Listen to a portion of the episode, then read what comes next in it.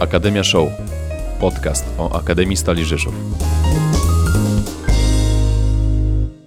Witamy w kolejnym odcinku Stal Masterclass. E, Tematem dzisiejszego odcinka jest e, trening mentalny trenera piłkarskiego. E, Dzisiejszy odcinek poprowadzą Maciej Tokarczyk. i Rafał Malinowski. Maciek, powiedz proszę, czym się zajmujesz w Akademii? W Akademii jestem od e, przeszło pół roku. Jestem odpowiedzialny za drużynę rezerw oraz za drużynę U19.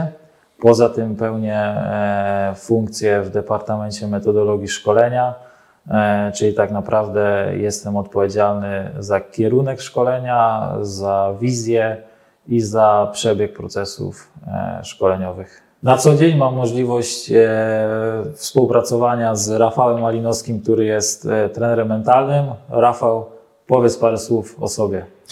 Ja zajmuję się, czy w Stali Rzeszów jestem częścią Stal Labu, czyli e, tej organizacji, która zajmuje się tworzeniem pewnych standardów i rozwijaniem standardów pracy nad rozwojem zarówno metodologii e, treningu piłkarskiego, jak i całej sfery mentalnej, psychopedagogicznej pracy z e, zawodnikami i z trenerami. Natomiast poza Stalą jestem częścią firmy EduSport, która zajmuje się wsparciem mentalnym e, i finansowym mm, zawodników mm, z różnych poziomów rozgrywkowych. Powiedz, Maćku, zacznijmy od tego, mm, po co trenerowi może być potrzebny w ogóle trening mentalny? E, trening mentalny dla trenera w moim odczuciu jest niezwykle istotny. E, uważam, że umiejętności miękkie, które dzięki niemu mogą, można się nauczyć, e, wnoszą nas na wyższy poziom, wnoszą naszą pracę na wyższy poziom. Dzięki temu możemy działać w sposób bardziej świadomy, możemy w, bardziej, w sposób bardziej świadomy się komunikować z zawodnikami oraz budować relacje oparte na zaufaniu, które, które w perspektywie czasu mogą, mogą decydować o sukcesie lub, lub jego braku. No powiedz mi, bo są, bo są stereotypy takie, że trening mentalny czy wsparcie psychologiczne jest potrzebne z reguły osobom, które sobie po prostu z wieloma rzeczami nie radzą. Czyli standardowe kojarzenie tego, że ktoś potrzebuje wsparcia psychologicznego, kojarzy się z tym, że dana osoba, mm, powiedzmy sobie wprost, nie jest normalna. Jak ty, jak ty odbierasz e, tego rodzaju myślenie, czy mm, jak to wygląda u ciebie, jak ty na to patrzysz, jaka jest twoja perspektywa? Zdecydowanie się z tym nie zgodzę. E, uważam, że trening mentalny pozwala, e, pozwolił mi odkryć, odkryć tak naprawdę swoje cechy, swoje mocne i słabe strony i na bazie których e, mogę, które mogę wy- wykorzystywać w swojej codziennej pracy. Uważam, że dzięki trenerowi mentalnemu, pracy z trenerem mentalnym mogę w lepszym stopniu poznać samego siebie. E, Ma to dużą, duży wpływ na, na moją pracę na boisku, ale także e, mocno się rozwijam pod kątem osobowościowym, e, co ma też przełożenie w życiu codziennym i, i, i w funkcjonowaniu, e, w tworzeniu relacji, w komunikowaniu się i, My często porównujemy faktycznie ten, ten rozwój trenera, pracę nad mentalnością do, do, do pracy powiedzmy mechanika samochodowego, kiedy pojawia się sytuacja, w której samochód się psuje, jest, nie jesteś w stanie nim jeździć. Druga sytuacja jest taka, kiedy samochód można lekko stuningować, by ta jazda była jeszcze skuteczniejsza, przyjemniejsza, szybsza, wygodniejsza. Praca z trenerem mentalnym w naszym rozumieniu jest pracą nad tuningiem umiejętności, które dany trener już posiada. Pomaga, e, pomagamy trenerowi stać się e, tym przysłowiowym, szybszym, sprawniejszym i lepszym samochodem, bo nie mamy do czynienia z, z sytuacją, w której przychodzi trener, który jest jak e, uszkodzony i niedziałający samochód.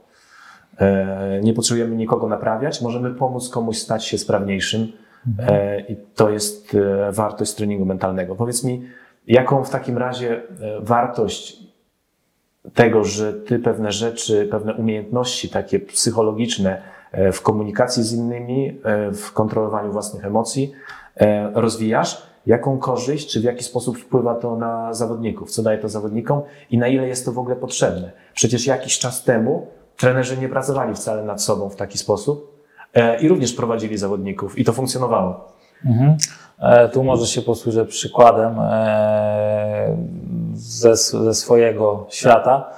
E, Mówiłeś o kontroli emocji. E, Dla mnie to jest bardzo istotny punkt, ponieważ e, jeśli ja jako trener potrafię działać e, w świadomy sposób, nie pod wpływem emocji, która, która we mnie jest, tylko e, kontrolować tą emocją i ją zarządzać, e, to mm, mogę w lepszy sposób oddziaływać na zawodników. E, Dzięki temu oni e, zyskują pewność siebie. Zawodnicy mają świadomość, że na ławce jest, e, jest trener, który, który nie poddaje się swoim emocjom, który daje im pewności siebie.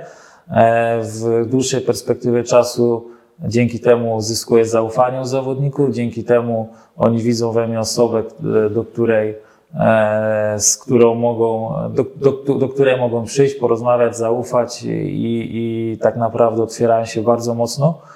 E, W perspektywie procesu treningowego daje to świetne skutki, bo e, zawodnicy sami szukają e, nowych, nowych dróg pod kątem procesu szkoleniowego, więc e, wchodzą w samorozwój, samą motywację, co daje, co daje duże efekty szkoleniowe. Uruchamiasz ich kreatywność. Tak. Mhm. Mhm. Powiedz w takim razie, jakie kluczowe umiejętności z tych umiejętności mentalnych, psychologicznych e, potrzebuje trener piłkarski rozwijać Twoim zdaniem? E, Ja myślę, że każdy powinien sam siebie ocenić i sam dojść do tego, czego potrzebuje. Ja ze swojej, e, ze swojej, e, ze swojego przykładu mogę powiedzieć, że bardzo istotne jest budowanie zaufania w zespole e, poprzez kilka, kilka mechanizmów, które, które, które są w tym niezbędne. Bardzo ważna jest właśnie kontrola emocji. E, Bardzo ważna jest umiejętność odnalezienia potencjału w zawodnikach oraz zarządzanie nimi. E, Co jeszcze? Ważne jest zarządzanie sz- sztabem i też ich mocnymi, słabymi stronami. E, Także myślę, że to są takie główne, główne rzeczy, które, z których ja korzystam e, na co dzień, które, które dają, mi, dają mi efekt. Mhm. Co to oznacza dla Ciebie, te, nabywanie tych umiejętności? Bo mm, mówimy o zarządzaniu, mówisz o zarządzaniu sztabem, mówisz o uruchamianiu kreatywności w zawodnikach, e, o oddawaniu odpowiedzialności. To brzmi trochę wszystko tak, jakby rola, tak patrząc z boku zupełnie laickim okiem, jakby rola trenera tego głównego, który się uczy, który, który rozwija te umiejętności, się sprowadza do pewnego wycofania się z tych procesów, co mogłoby się wydawać, może być dość bolesne dla trenerów, dla których ważnym jest, by, by być z przodu. Jak ty to odbierasz? Mm, Tutaj też jest ważne, żeby e, zdiagnozować, jaką rolę chcemy pełnić w sztabie. Jeśli chcemy pełnić e, rolę głównego trenera, head coacha, to musimy potrafić się umieć wycofać. Musimy potrafić stanąć z boku, e, z emocjami zejść na bok, spojrzeć na, na trening e, z perspektywy za linii bocznej I wtedy możemy, wtedy możemy zobaczyć bardzo duże szczegóły, bardzo duże, dużo informacji, których będąc w procesie nie, nie jesteśmy w stanie, w stanie zobaczyć. No ale Jeśli, dobry trener to przecież taki, który, który jest głośny, który, który ciągle ma coś do powiedzenia, który wie najlepiej, bo powinien wiedzieć najlepiej. To, to, to nie jest tak? Jak, jak to wygląda? nie, to jest, to jest stereotyp. To jest stereotyp i, i, i o, często, często słychać opinię, że dobry trener właśnie to ten, który krzyczy, którego spełnią, bo, bo się stara, bo się angażuje. Natomiast e, wcale to przez zawodników niekoniecznie to musi mieć dobry odbiór. Niekoniecznie muszą to dobrze odbierać. Mm, Tak jak mówię, dla mnie e, rolą głównego trenera często jest wycofanie się, wchodzenie w odpowiednich momentach, bo to też nie jest tak, że stoi tylko z boku. On musi wiedzieć, w którym momencie wejść z interwencją, w którym momencie przemówić, w którym momencie dać uwagę, wskazówkę e, i tak dalej. Natomiast wracając do tych priorytetów e, każdego, indywidualnych, jeśli ktoś ma potrzebę bycia, bycia na placu, bycia e, trenerem, który, który powinien prowadzić i, i, i uczestniczyć mocno w procesie treningowym, wtedy dla niego przewidziana jest inna rola i, i, i, i to o to chodzi, żeby potrafić zdiagnozować w sobie potrzebę e, i e, potrzebę tego, kim chce się być w sztabie, jaką pełnić rolę i potem e, ważnym zadaniem głównego trenera jest to, żeby ułożyć, kto za co jest odpowiedzialny i wydobyć najlepsze, najlepsze cechy i najlepsze umiejętności z, każdej osoby tak naprawdę. Okej, czyli to, jeżeli to są zadania trenera, czyli umieć ułożyć tą pracę w sztabie, wydobyć te najlepsze cechy, komunikować się z tymi ludźmi, to jakie, jakie kluczowe umiejętności? Wrócę jeszcze raz na chwilę do Okej. tego pytania, no bo faktycznie gdzieś tam e, trochę uciekliśmy od niego. Jakie, jakie kluczowe umiejętności, mm, te psychopedagogiczne, mentalne, trener powinien rozwijać? Moim zdaniem wytrzymałość emocjonalna. E, Wytrzymałość emocjonalna, znowu powiem na swoim przykładzie też, jak e, zaczynałem pracę e, nad swoimi umiejętnościami jako główny trener. Niejednokrotnie miałem e, problem z tym, żeby wytrzymać i nie wejść z interwencją w treningu, mimo że nie powinienem w danym momencie tego robić. Czyli znowu wytrzymałość, inteligencja emocjonalna, no i umiejętność e, zdiagnozowania znowu, kiedy ja powinienem zrobić tą, tą, to wejście, kiedy powinno być mniej więcej, w którym momencie też w mikrocyklu, bo to jest ważne, w którym momencie sezonu. E, czyli znowu odwołam się do tych umiejętności miękkich. Oczywiście zarządzanie całym procesem, zarządzanie całym modelem gry to musimy mieć w małym palcu, natomiast e, główny trener powinien też przede wszystkim e, bazować na tych umiejętnościach miękkich i, i w nich rozwijać swoje e, umiejętności. Mhm. Dobra, powiedz, e, powiedz Maciek, e, w jaki sposób w takim razie mm, wygląda taki trening mentalny, e, czy trening umiejętności psychologicznych trenera? Jak my to robimy tutaj w Rzeszowie? No tak jak mówiłem na samym początku, mam przyjemność współpracować z trenerem mentalnym, więc pewnie mi jest łatwiej. Mhm. Sesje mamy średnio co dwa tygodnie, spotykamy się albo Co to jest sesja w ogóle, powiedzmy sobie, na, na czym to polega? Mhm.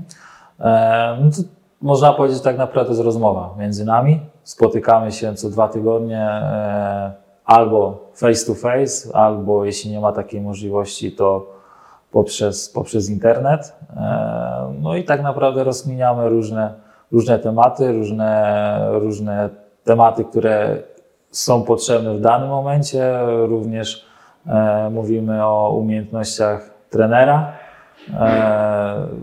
Poza tym Daj, daj przykład, no bo jak, jak my się spotykamy na, na takiej rozmowie, w jaki sposób ta nasza rozmowa mm, nawiązuje do Twojej codzienności? W jaki sposób y, nawiązuje do tego, co się dzieje u Ciebie na Dobrze. treningach, co się dzieje na meczach? Mhm. No to dobrym przykładem, który pie- najpierw mi się nasuwa, jako pierwszy nasuwa mi się do głowy, jest budowanie zaufania wśród zawodnika czy wśród rozmówcy.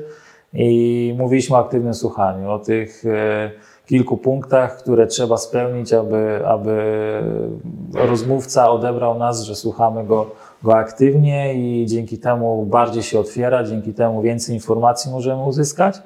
E, Podczas sesji rozmawiamy sobie na ten temat. Ja później e, już w praktyce staram się to wdrożyć, wdrażam i, i na kolejnej opowiadam o swoich odczuciach, ewentualnie co zmieniłem, co dodałem lub co odjąłem.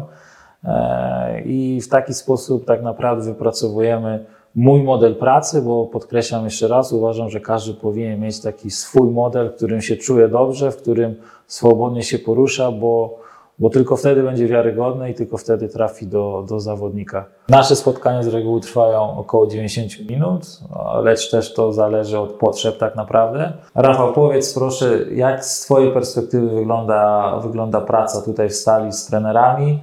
E, Na jakie rzeczy zwracasz uwagę? Jaki masz e, proces, metody? Okej. Em, To jest, to jest kilka elementów, na które jakby zwracam uwagę. Pierwszy element jest taki, że uznaliśmy, że praca z trenerem mentalnym nie jest pracą e, obowiązkową. Czyli pierwszy element to jest dowolność tego, że trener ma możliwość skorzystania z naszego wsparcia, z wsparcia trenerów mental- mentalnych, psychologów.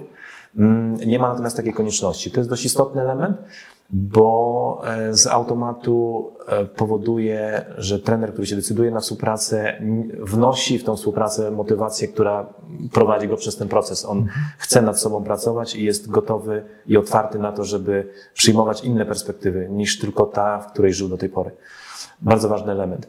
Em, Kolejny element jest taki, że moim celem jest w odpowiedzi na potrzeby, które się pojawiają w naszych rozmowach, e, dawać konkretne narzędzia i budować świadomość trenera, pomagać mu zrozumieć pewne mechanizmy, e, psychologiczne mechanizmy z jednej strony, a z drugiej dawać konkretne narzędzia, konkretne narzędzia, które on może wykorzystać, jeżeli zechce i uzna w danej sytuacji, że, że jest to przydatne, e, do tego, by z daną sytuacją radzić sobie dużo lepiej. To są różne narzędzia e, i różne umiejętności. E, Mamy zdefiniowany katalog określonych ilość, określoną ilość umiejętności. Ich jest ponad 80 e, umiejętności z tego zakresu psychologicznego, psychopedagogicznego i z, tego, z tej puli ponad 80 umiejętności wyciągamy e, w miarę potrzeb, które powstają w trakcie naszych rozmów, te umiejętności, które w danej sytuacji, która jest przedmiotem rozmowy, mogą być przydatne i pomóc e, trenerowi rozwiązać daną sytuację efektywniej.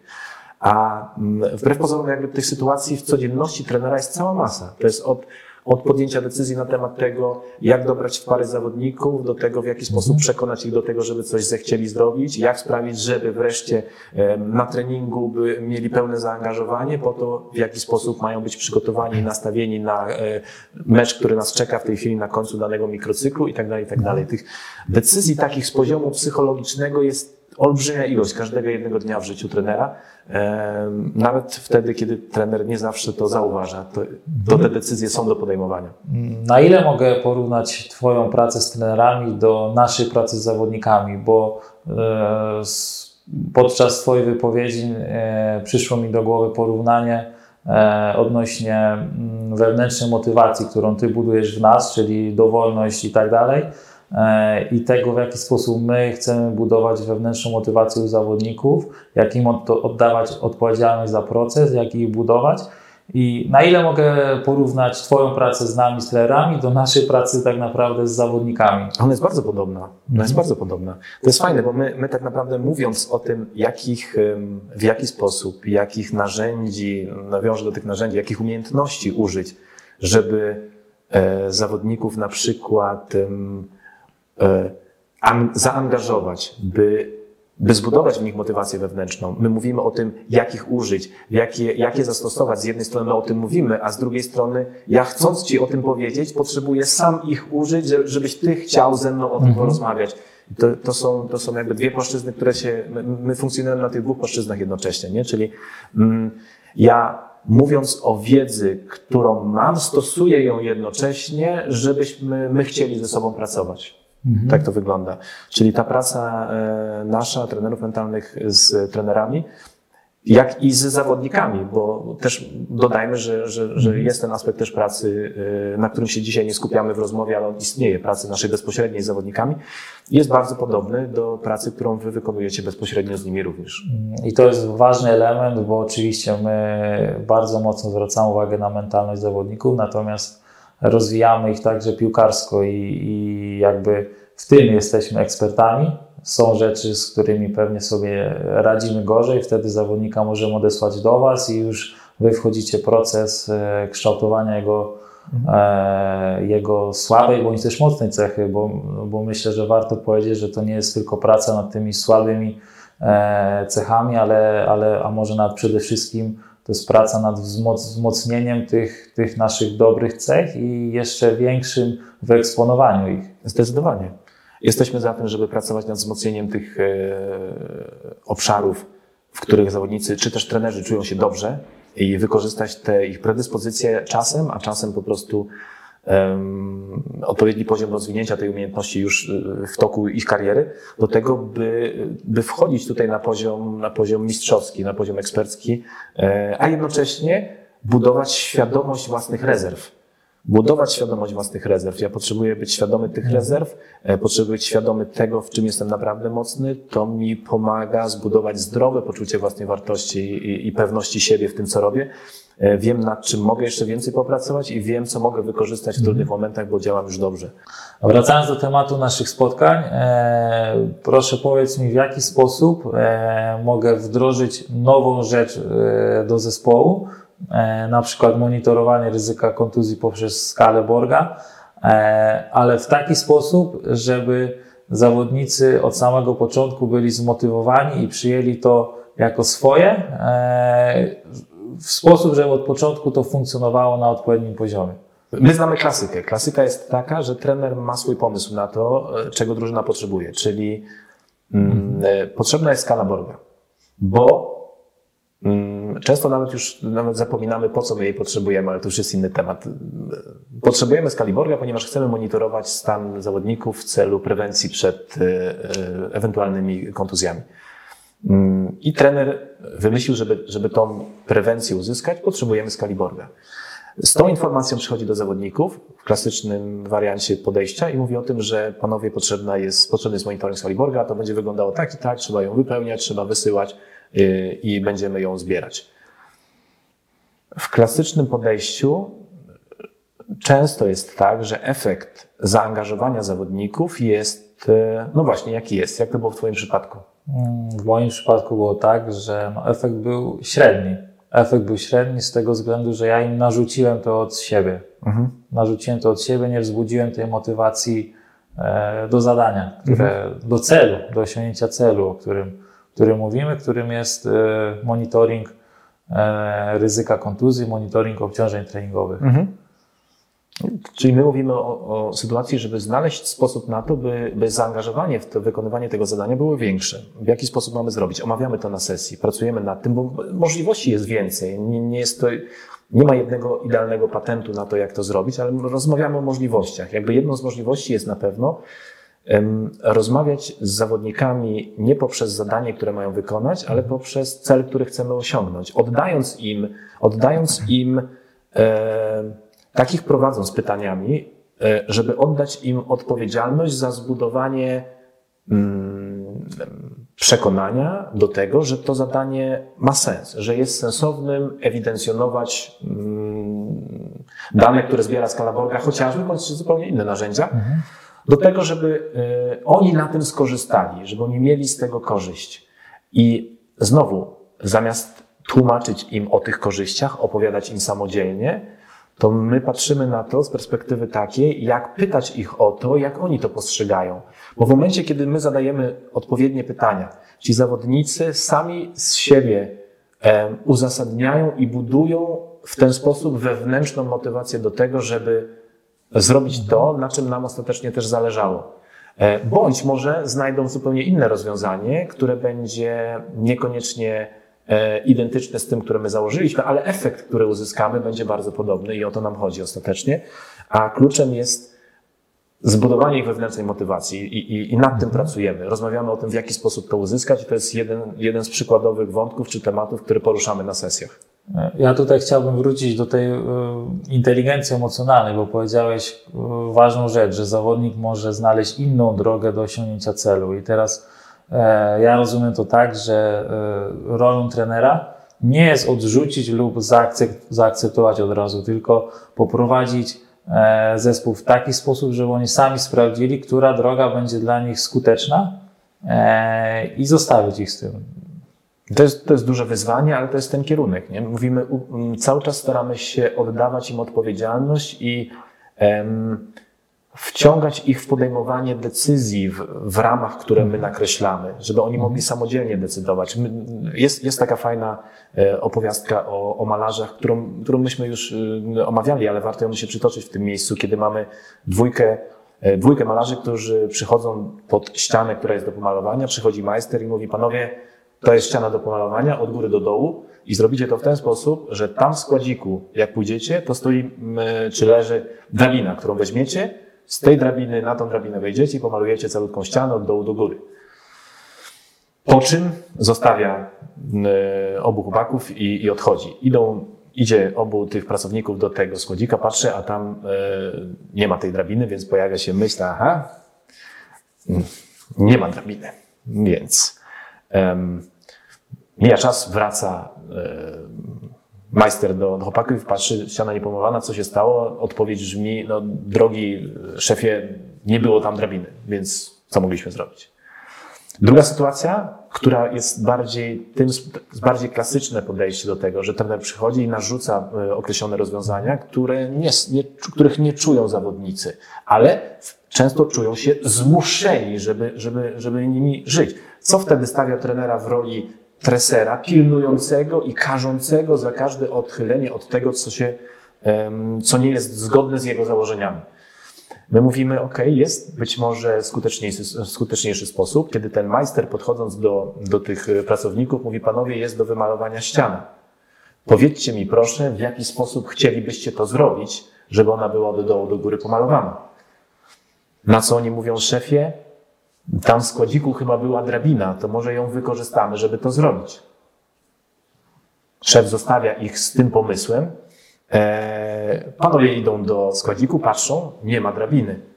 Co się w nich pojawia wtedy? No, żeśmy się zobowiązali wobec szefa, że my to zrobimy drabiną, ale nie ma drabiny. To może, to może, no może nie wiem, o tam stoją skrzynki, wykorzystajmy skrzynki i, i wykorzystamy je do tego, żeby tą ścianę pomalować.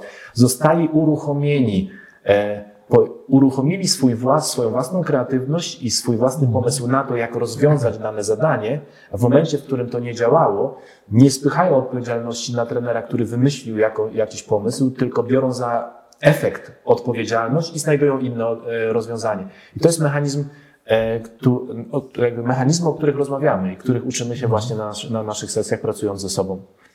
Niewątpliwie obecność czapy i Twoja w naszych strukturach to jest dla nas ogromna wartość i myślę, że to wyróżnia naszą akademię na tle innych. Natomiast e, myślę, że zadam teraz ważne pytanie. Co mają zrobić trenerzy, którzy nie mają dostępu do e, trenerów mentalnych, do takich ludzi jak Wy, a chcą pracować nad swoją mentalnością i, i nad swoją tak naprawdę osobowością? Mm, Jakby punktem wyjścia, jeżeli faktycznie mamy ludzi, którzy chcą, to jest punkt wyjścia. Często jest tak, że, że my bardziej chcemy, żeby niektórzy zaczęli się rozwijać jak oni sami. Natomiast jak mamy faktycznie osoby, które chcą, natomiast nie mają dostępu bezpośrednio do ludzi, którzy mogą im pomóc, to dzisiaj w świecie wirtualnym możliwości jest dużo więcej. Z jednej strony mamy świat wirtualny, mamy e, masterclassy Stali Rzeszów, które są e, w swoim zamyśle są taką wartością, z której można skorzystać jako trener. Można wyciągnąć pewne elementy, które mogę już od dzisiaj stosować u siebie e, w swojej pracy. Z drugiej strony mamy dostęp do źródeł typu książki, e, szkolenia, kongresy, E, I na polskim rynku w tej chwili jest coraz więcej e, informacji w postaci książek chociażby z zakresu treningu mentalnego. Jeszcze parę lat temu sytuacja wyglądała zupełnie inaczej. Dzisiaj tych książek jest sporo. My sami z Konradem, z Szapą e, wydaliśmy w tej chwili trzecią, jest, pracujemy nad czwartą książką opisującą kolejno poszczególne obszary pracy e, w treningu mentalnym, z których może skorzystać zawodnik, jak i trener książki dotyczące pracy nad, nad nastawieniem, nastawieniem do meczu, nastawieniem do treningu, książka e, o pracy nad własną e, samomotywacją, w jaki sposób pracować na tym, by samodzielnie e, budować w sobie chęć i determinację do pracy w określonym kierunku, praca nad kontrolowaniem własnych emocji, to była trzecia z książek, które wydaliśmy. I wreszcie w tej chwili pracujemy nad książką, która będzie mówiła o tym, w jaki sposób pracować nad poczuciem własnej wartości i pewności siebie. Jako trener bądź zawodnik, w opisie e, do naszej rozmowy m, będzie można znaleźć link, który będzie przekierowywał na stronę, na której te książki są dostępne, e, jak również udostępnimy materiały, takie jak lista umiejętności mentalnych, nad którymi my pracujemy ze sobą w tej chwili, żeby trener miał jeszcze, trener czy, czy inna osoba zainteresowana pracą nad sobą, oglądająca nasz, e, naszą rozmowę, e, miała dostęp i, i lepsze odczucie tego, co to, co to jest tak naprawdę, co to są te umiejętności mentalne, nad czym my pracujemy, co to, co to są za umiejętności, które z nich być może on we własnym odczuciu już posiada, nad którymi może warto, żeby jeszcze popracował. Także to myślę będzie też wartością dla e, tych osób, które nie mają bezpośredniego dostępu do, do osób takich jak my, czy, czy innych dostępnych dzisiaj na rynku polskim. Mm, A powiedz mi z kolei ty, Maciek, e, mając teraz te doświadczenia w pracy z nami tu na miejscu i jak wspominasz po- swoje początki pracy nad, e, nad rozwijaniem tych umiejętności psychopedagogicznych e, i porównujesz to, co masz w tej chwili i jak zaczynałeś, e, od czego zaczynałeś, coś byś zmienił w tej chwili, weź podziel się proszę swoim odczuciem. Mm, Przed współpracą z, z Wami szukałem sam rozwiązań. Szukałem sam rozwiązań bardziej po omacku, bardziej na bazie doświadczeń i prób i błędów, co też w pewien sposób mnie kształtowało, ale na pewno nie w takim szybkim nie w taki szybki sposób jak e, praca z Wami. E, Co bym zmienił? Na, na pewno częściej bym poddawał się autorefleksji, e, dialogowi wewnętrznemu i samoocenie, co już wprowadziłem, co nie wprowadziłem, co mi wyszło dobrze, co gorzej, co mogłem zmienić, e, bo uważam, że to mocno buduje i kształtuje, e, kształtuje, kształtuje nas jako, jako trenerów i kształtuje umiejętności, które, które, chcemy, które chcemy zdobyć, czyli, czyli mocna autorefleksja i, i, i obiektywna samoocena. Mhm. Dialog wewnętrzny, samoocena, autorefleksja. Masz na myśli po prostu takie bardziej świadome, częstsze gadanie ze sobą.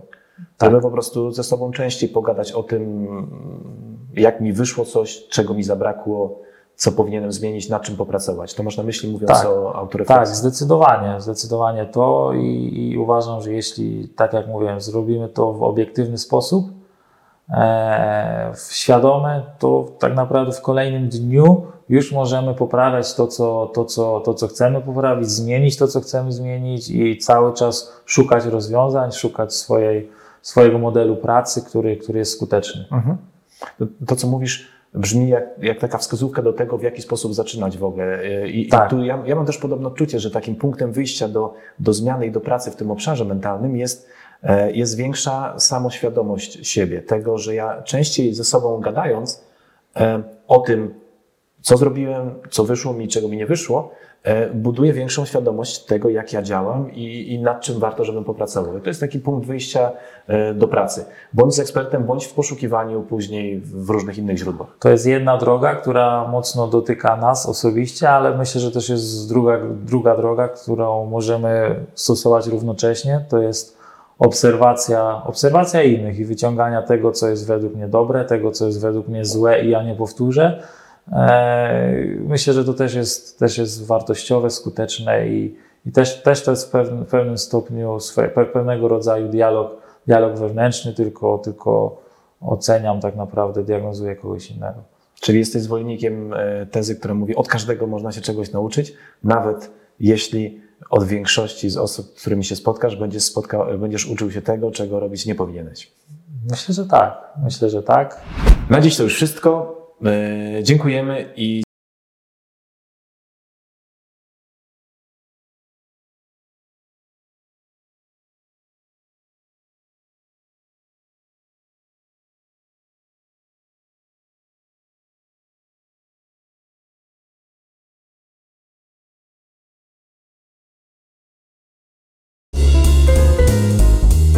To była audycja Akademia Show od Stal Rzeszów Podcast. Subskrybuj, by być na bieżąco.